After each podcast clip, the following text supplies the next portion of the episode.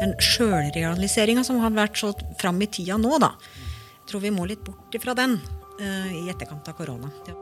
Så de, de, de, fleste er jo vanlige lærere. Uh, ikke sånne superduper-lærere. Velkommen til podkasten Byen vår. I en serie av episoder skal vi ta opp ulike sider ved Hamar. Og i denne sesongen er temaet skolebyen vår. Mitt navn er Lagetune Myrberget, og sammen med Knut Ståle Hauge har vi invitert en rekke personligheter fra skolemiljøet i byen til å samtale om ulike temaer som skaper skolebyen vår. I denne episoden skal vi snakke om skolehistorie og ledelse. Før vi starter Denne podkasten er produsert av Storyphone AS, så dersom du tenker at dette er bra for byen vår, og har lyst til å være samarbeidspartner eller sponsor, så er det bare å ta kontakt med oss. Og til å prate om dette har vi som vanlig med oss nestor i Hamar bys pedagogiske historie, med ansvar for den historiske samlinga på lærerskolen, Knut Ståle Hauge. God dag, god dag, Knut Ståle. God dag, god dag, god dag. Ja, Tematisk så er det vår andre podkastsamtale i dag. Ja, det er det. Og flere blir det. Men dette skal ikke vi gjøre alene, vel? Det skal vi ikke. Nei, Du vil gjerne ha med deg eh, skoleleder ved Greveløkka skole. Ja. Målfrid Haugbotten Hagen, velkommen hit. Tusen takk. Kjekt å se deg. like måte. Ja. Hvordan Artig har, tema. ja, hvordan har du det i dag? Jo, vi har det bra. Ja. Alltid bra. Alltid i flyt. Du hadde grua deg litt til å komme hit og snakke? Ja, ja, jeg gjorde det. Ja. Det er litt ukjent territorium for meg. ja.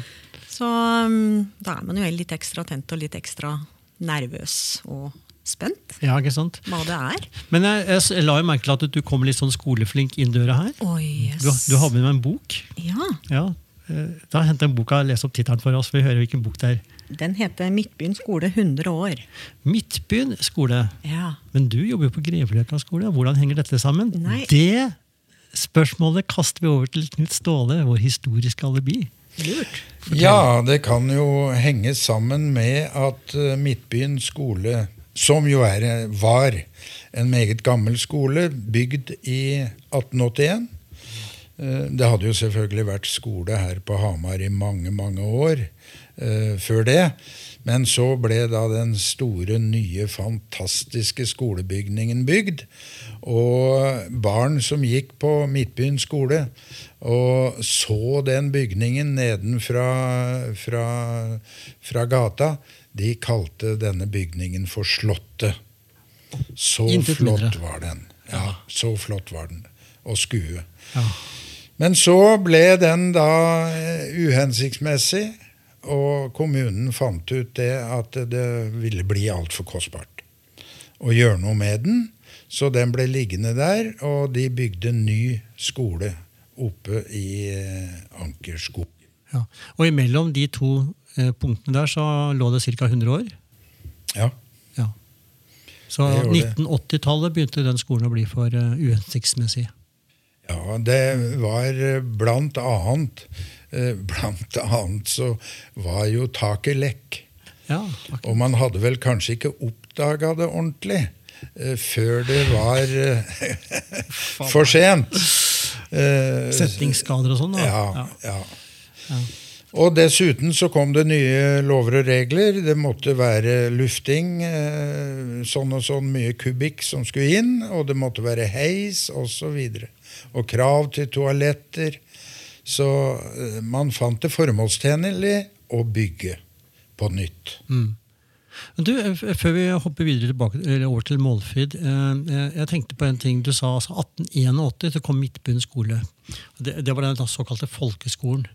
Ja. Men Hva slags skoler hadde vi i Hamar, hvis vi tenker tilbake til 1849, da, som var liksom by, byens fødedag? Ja. Fødeår? Ja, da ble det etter hvert en skole nede i der som eh, Casablanca, eller Ja, det- Blue Castello, eller hva du vil kalle det. Ja, altså rett overfor lekeplassen nede på Ja. Strandgateparken? Eh, akkurat. Da ble den første skolen. Og eh, de hadde andre navn. Det var Allmueskolen. Og så var det en borgerskole Oi, hvor lå i den? Hamar. Det vet jeg ikke Nei. hvor den lå. Og så hadde vi Pikeskolen. Ja, oi, Ja, akkurat. egen pikeskole. Den er jo revet, og nå er det jo det såkalte Biohuset på, Ja, akkurat der, ja. ja, på høyskolen som ligger der. Mm. Men vi må jo helt tilbake til år 1153 for å finne den første offisielle grunnlagte skolen i Hamar. Ja, altså Nicholas Breakspear var jo på tur innom Trondheim. Han ble jo sendt hit fra, fra paven. Pavens utsending. Han skulle ordne opp med de nordlige områder. Og da var han innom Trondheim og kom til Hamar. Eh, Han hadde to oppgaver. Den ene oppgaven var kirkelig. Å få orden på systemet her oppe.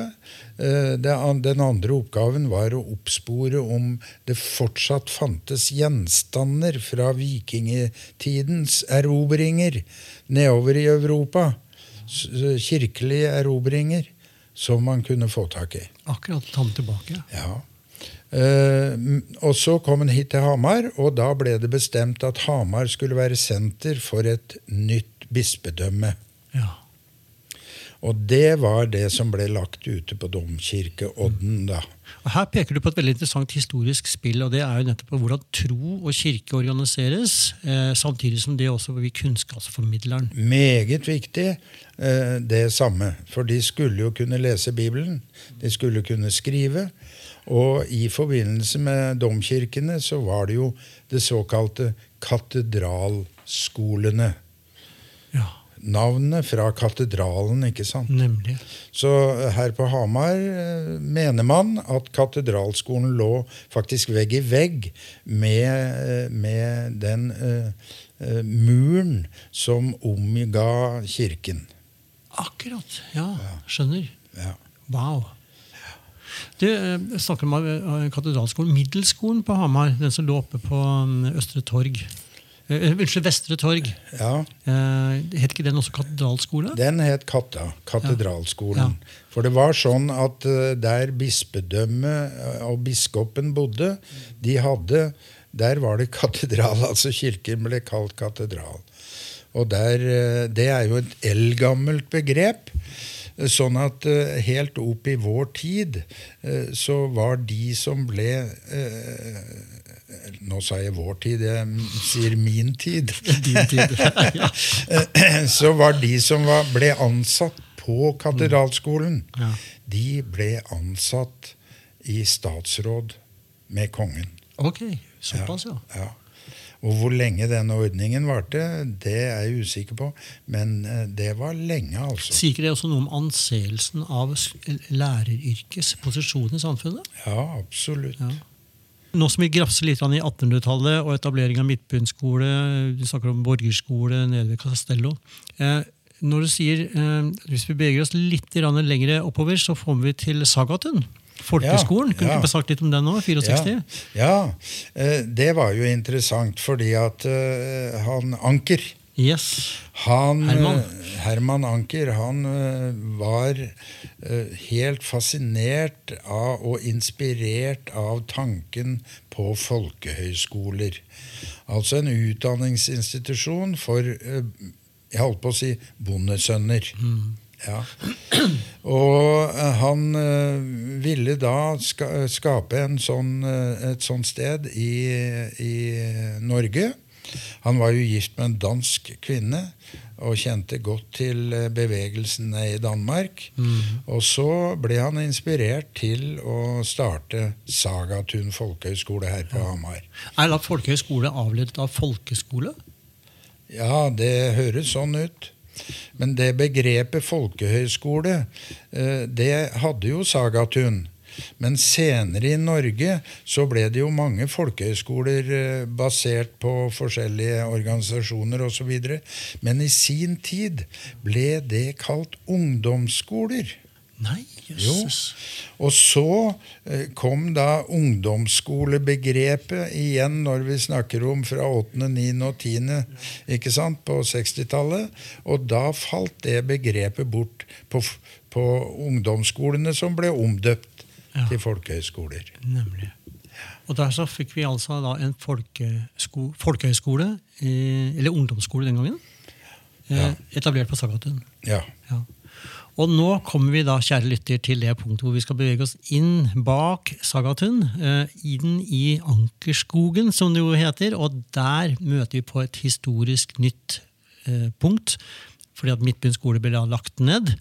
Men erstatningsskolen ble hetende Greveløkka barneskole. Og i dag Målfrid, så er det du som sitter og jobber som eh, ja, rektor, eller er le skoleleder der. Det stemmer. Ja, men, men du er ikke født på Hamar? Nei, jeg er ikke født på Hamar. For reisen din til Greveløkka, åssen er den, da? Nei, den har vært uh, bøklete, den. Ja.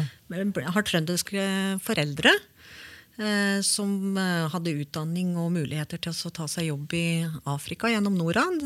Så jeg har hatt noen barneår i Afrika. Nei, hvilket land? Eh, Zambia. Akkurat. Og så havna jeg oppe i Gudbrandsdalen. Helt nørst nordlig. Åh. Og oppe i Lesja, eh, hvor jeg hadde ungdomsår og barneår. Eh, Og så kom jeg til Hamar for å skulle ta grunnfag i musikk. Planen var å bli kirkeorganist. Eh, Ikke så god i måloppnåelsen, antageligvis. Så jeg ble innrullert i skole og, og fant virkelig rolla mi der. Ja. Og mm, jobba noen år i Elverum før Ja. jeg kom til Stange. ja. Og kom inn som eh, mellomleder på en skole i Stange. Og videre til Løten. Ja. Og så hit til Hamar, da. Og da ble du på. Løten i ti år, skjønte jeg? Eh, Det ble vel kanskje litt mer. Enda mer, ja. ok. Eh, 13. Ja, 13 år. ja. Først som mellomleder, inspektør, og så Ja. som rektor. Og Ja. Jeg hadde et år som lekerektor. Jeg fikk lov til å late som at jeg var rektor. Ja. Ja, Og nå har du kommet til eh, Greveløkka. ja dit kom jeg i 2020. Ja. Februar. Jeg har lyst til å bare kaste en liten historie. Jeg ble så sjarmert av det bygget. For jeg var ute i Hamar og undersøkte litt om dette med kunst i offentlige rom. Og så er det da oppå veggen en sånn kuleramme. Og så skjønte jeg at kunstneren der var inspirert av en kuleramme hund som kunstneren hadde funnet når han hadde gått gjennom Midtbyen skole oppå loftet. Og hadde funnet noen rester der. Ja, det er masse av kunsten på Greveløkka som er knytta til hemmeligheten på loftet, tror jeg liksom selve arbeidet med kunstutforminga på Greveløkka heter det. Akkurat. Så det er masse Kunsten med læring. Wow. Kunsten med læring. Ja, det blir jo på en måte det. Ja. Ja. Ja, hvordan er det å jobbe som leder i en organisasjon som, eller en, en bedrift som jobber med å skape læring? Ja, skape framtid, egentlig. Ja, Hvordan- det er det store mandatet. Ja, Det er um, easy-peasy. ja, Ja. Det, tror vi, det tror vi Det er så enkelt. Nei, det er veldig komplekst. Ja. Veldig komplekst å være skoleleder, sjølsagt. Og så er det jo ja, I det store bildet så er det jo framtida vi, vi produserer da, på Mm. Grevløkka. Eller i norsk skole. Ehm, og det er et voldsomt stort mandat, det. Å, å utruste unga til å takle hva, whatever som framtida deres krever av dem. da. Ja. Ja. Og så som skoleleder så er det jo sånn at du i ditt arbeid så jobber du via andre. Akkurat som læreren også jobber via barnet. Så Så blir min oppgave å, å, å lede det via de ansatte. Mm. Ser du noen forskjell på eh, det å være del av Hamarskolen framfor den eh, tida du har vært i Stange og i Løten? Ja, jeg, jeg har ulike erfaringer fra de kommunene. Ja. Eh, Men så er det klart at Stange kommune, det har skjedd noe der siden jeg slutta der også, så jeg vet jo ikke åssen det er der nå. Nei. Eh, at Nei, det er sant. Det kan skje ting. Ja, det, og i Løten også. Mm. men det jeg, det jeg i stor grad opplever her Nå kom jeg inn på Greveløkka liksom tre uker før nedstenging av korona. Men da sto jo liksom det der kollegiale veldig sterkt fram. Eh, og det var en god støtte. Mm. så i læreplanverket og det som styrer vår virksomhet um, på nasjonalt nivå, handler jo også tydelig nå om et profesjonsfellesskap i større grad enn hva som lå som krav tidligere. Ah. At vi skal oppnå resultater via å være et team. Mm. Jobbe sammen, og at vi har kompetanse, som Thomas Nordahl peker på. Det er som regel kompetanse innad kollegiet. Det er bare å løfte det fram og erfaringsdele og eh, bli et kollegium som, som jobber sammen. Det er ikke privatpraksisen, sånn som det kanskje var litt prega av Midtbyen skole og bygget der. ikke sant? At gamle skolebygg var jo litt sånn prega av det lukka rommet og privatpraksisen.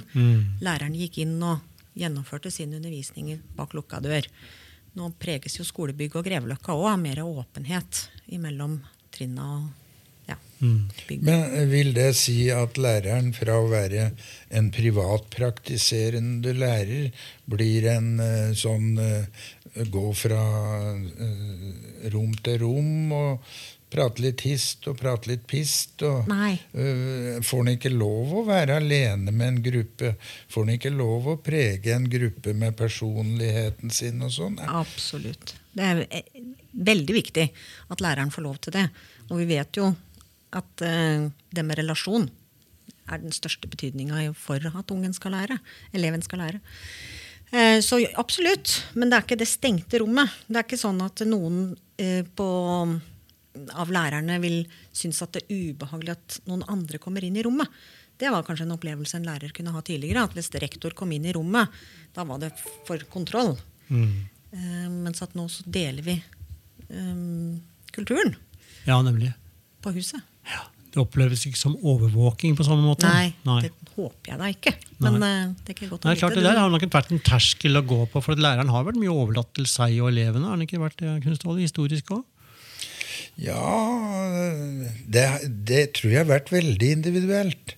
Jeg tror lærerrollen på mange måter er eh, nesten blitt parodiert mange ganger. Dette med, dette med Hvis vi ser på litteratur og film om skole og lærere, så har vi liksom enten den fantastiske læreren, eller så har vi den slaskete læreren. Det er liksom ikke den vanlige læreren. Han beskrives nesten ikke. Så de, de, de fleste er jo vanlige lærere.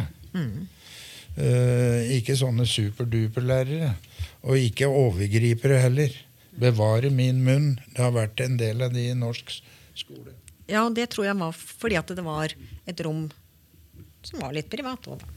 Ja, akkurat. Og så har kanskje skolens rolle også blitt mer eh, integrert i folks liv? Ha, ha, altså, unnskyld, det jeg egentlig sier er vel kanskje at skolen også har fått et utvida ansvar, kanskje i nyere tid, enn hva det kanskje tidligere var. Det var nok vår opplevelse. Mm. Det er mye som puttes inn i lærerens oppgaver. Både med, altså det er ikke bare det rent pedagogiske også, men den kanskje psykiske sida. Psykisk helse. Uhelse og helse, da. Som skal løses. Jeg håper å si, eh, Hvordan er, er ledere forberedt på den type håndtering av eh, lederskap? Altså, som, som leder så tenker jeg at det er viktig å løfte opp den problematikken. Og det har vært gjort Mm. en god tid tilbake. Sånn at bestemmelser og veiledere for eh, helsesykepleiere, da, Mm. altså eh, skolehelsesøster som det heter før, Ja. eh, er mye større grad inne i skolen. Også i Hamar så har det jo òg vært tydelighet på at alle skoler skal ha en sosiallærer som har da en spesialkompetanse innafor det. ja. Så det har jo alle skoler i Hamar. Mm. Um, nettopp fordi at vi, og vi ser det jo i økende grad nå også, at den psykiske uhelsa også kanskje en, en følge av nedstenginga og den isoleringa, manglende Man var liksom ikke, har ikke vært ute i treningsøvingsfeltet med det sosiale. Sånn at det er noe som må avhjelpes der. Det er ting som har blitt skummelt for veldig mange barn. Ja, Så du tror at denne nedstengningen, koronaen vår, den har altså effekter som kommer til å vare i eh, generasjon? En generasjon. Det vil i hvert fall prege i en eller annen form. Jeg tenkte lenge på den derre kohorttanken. ja. At vi har jo skolefritidsordninga, som er så gull med at unga får være på tvers i alder. Den aldersblandinga tror jeg er veldig viktig for dannelse av deg som menneske. Samtidig som det, det å være sammen med jevnaldrende òg er veldig viktig. Men det å øve seg på å ta vare på andre at det, Den sjølrealiseringa som har vært så fram i tida nå, da. Tror vi må litt bort ifra den uh, i etterkant av korona. Det å forme barn til å ha tanke for et annet medmenneske.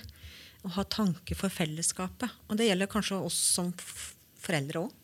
Meg som mamma. At, uh, at det er viktig å, å prege unga mine på at det er ikke bare deg her i verden. Og også kanskje det at eh, når, når unga har det godt sammen, så har mitt barn det godt også. ja.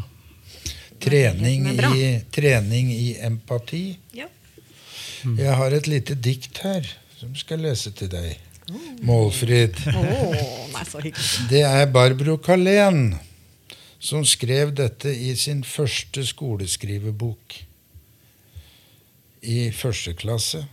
Da, en eh, svensk pike som var syv år gammel, og hun skrev følgende Vi går i skolen, skolan, skriver hun. Vi går i skolan for å lære oss at lese og skriva og regna.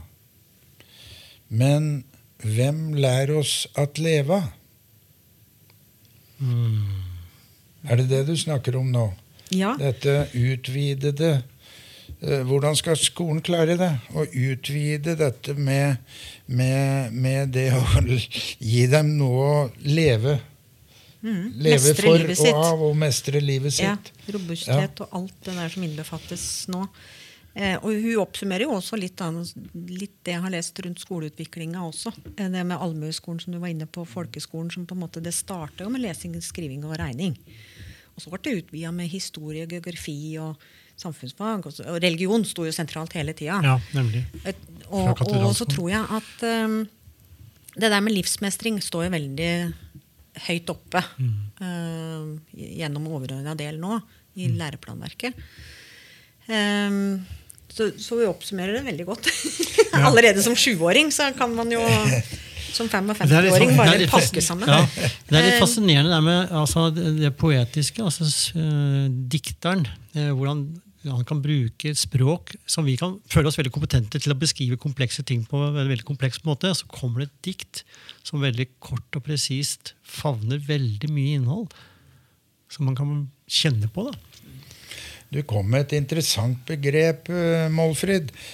Robusthet. Ja, Hvor er det i dag? Jeg har inntrykk av det at de fleste nå krenkes uh, hele tiden, holdt jeg på å si. Uh, og blir mer og mer følsomme og uh, nesten ris av følelser. og slipper alt innpå seg. Hvordan trener dere barn i å bli robuste? Det kan vi ikke oppnå som skole aleine. Der må vi snakke med foreldre òg. Jeg tror vi har hatt um, har kalt, altså Det var en periode det ble brukt et begrep nå snakker jeg helt generelt selvsagt, rundt dette her med curlingforeldre. At vi gikk Ja. foran og kosta veldig. ja kan jeg rydde av vei. Vei. Så gjør man egentlig Sånn at man glir sånn- lett gjennom livet. Yes. Um, og så tror jeg òg vi var inne i en litt fase med droneforeldre, kalte jeg det. Ja. De som hang over, og som på en måte hadde behov for ja, den Kontroll. kontrollen. ja. og, og det er altså, Alt er gjort med tanke for omsorg og det beste for barnet. Så tror jeg at det der med å berede for at man skal skli gjennom, det er å gjøre ungene en bjørnetjeneste. For livet skjer. Og livet er, det er ikke for amatører. Du er nødt til å øve deg. Fordi at på et eller annet punkt i livet så møter vi noen utfordringer, store eller små. Og hvis du ikke har øvd deg på det på samme måte som vi øver på gangetabell, så mangler du verktøyet til å håndtere det. Eh, Det tror jeg også har vært litt sånn i skole. Vi skal slutte med å klatre i tre, vi skal slutte med det, for det er farlig. Eller, eller vi kan også og av og til møte litt den derre vi, vi må forby det, for det blir bare eh, Det blir krangel av det. Ja. Det blir konflikter av det. Ja. Og da blir jeg litt sånn Skal vi slutte med det da, eller skal vi øve litt mer på det? Skal vi unngå det som er farlig? Jeg syns den der try Trygg-reklamen som har kommet nå, den sier noe om robusthet. Forklar den. Det, eh, det er innledende så sier de bare Trygghet handler ikke om å la være å gjøre noe. Men det er en trygghet om at noen fanger deg opp hvis du faller. Ah. det kan være noe å ta med. Altså at vi, vi, vi må tåle å stå i at unger kan ha det litt trøblete. Det har vi hatt sjøl òg. Men det er jo det som gjør at vi vokser. At vi skifter ham. Det gjør litt vondt når knopper brester. Det er det også en, en, en svensk poet som sa. Uh, og det, det å skifte hav, ham Jeg hadde en ansatt som sa det at eh, jeg har det litt vondt akkurat nå, i, i jobbsammenheng, da. Uh, fordi at jeg ser for meg at jeg er som en slange. Jeg skal bli noe større. Men da må jeg kvitte meg med det gamle skinnet, og det kan gjøre litt vondt. Men det er for at jeg skal bygge noe nytt. Kanskje det å ufarliggjøre det med det der poetiske diktformen. Eh, overfor at vi kan snakke om det. Både med foreldre og oss i skole sjøl. I det å bygge robusthet. At vi ikke blir med i følelsesregisteret til foreldre. Eller barnet, mener jeg. Ja. Du, jeg har lyst til å mm, helt avslutningsvis, eh, Målfrid og Knut, om vi kan titte litt på hva vil f.eks. for eksempel en skolestrukturprosess gjøre for Hamarskolen? Kan det være en mulighet, eller vil det være et problem? Til, til, lytterne, ja, og bare sånn til lytteren så har jeg bare lyst til å fortelle en liten ting. fra akkurat det med det, at Midtbyen skole ble lagt ned, og både gjennomsto på Grevløkka, førte også til at Midtbyen-mentaliteten og identiteten fulgte litt med. Så det, det ligger litt i oss, det der med identitet. og uh, Hvordan kan en struktur være med å forsterke eller utvikle en ny identitet? Vi er jo i gang litt der. Altså, som skoleledere så har vi også vårt profesjonsfellesskap. Um, så vi tre skolene har gått sammen i et pedagogisk utviklingsarbeid. Ja. Um, Hvilke tre skoler snakker vi om da?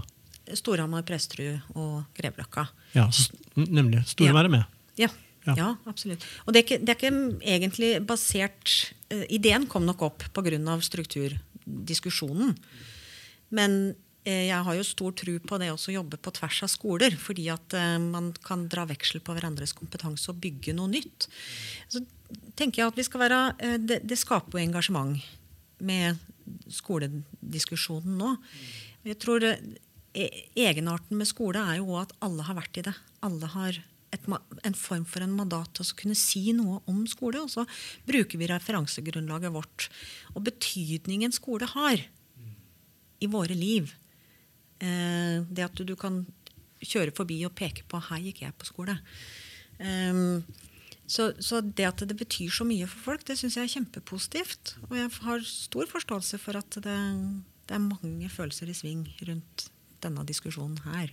Men jeg har jo stor tro på at uavhengig om det blir en, en sammenslåing eller eh, Det vet vi jo lite om nå i, i etterkant av valget i dag. i går. Men at det eh, det har Selve prosessen også har, er allerede i gang med å skape noe nytenkning hos oss i skoleledelse, i hvert fall.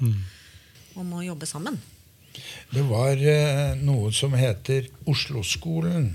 Mhm. Felles identitet osv. Og, så videre, og det var det eh, Prøvde å bygge opp det her i Hamarskolen i sin tid. Mm. Eh, er det noe som på nytt er på gang?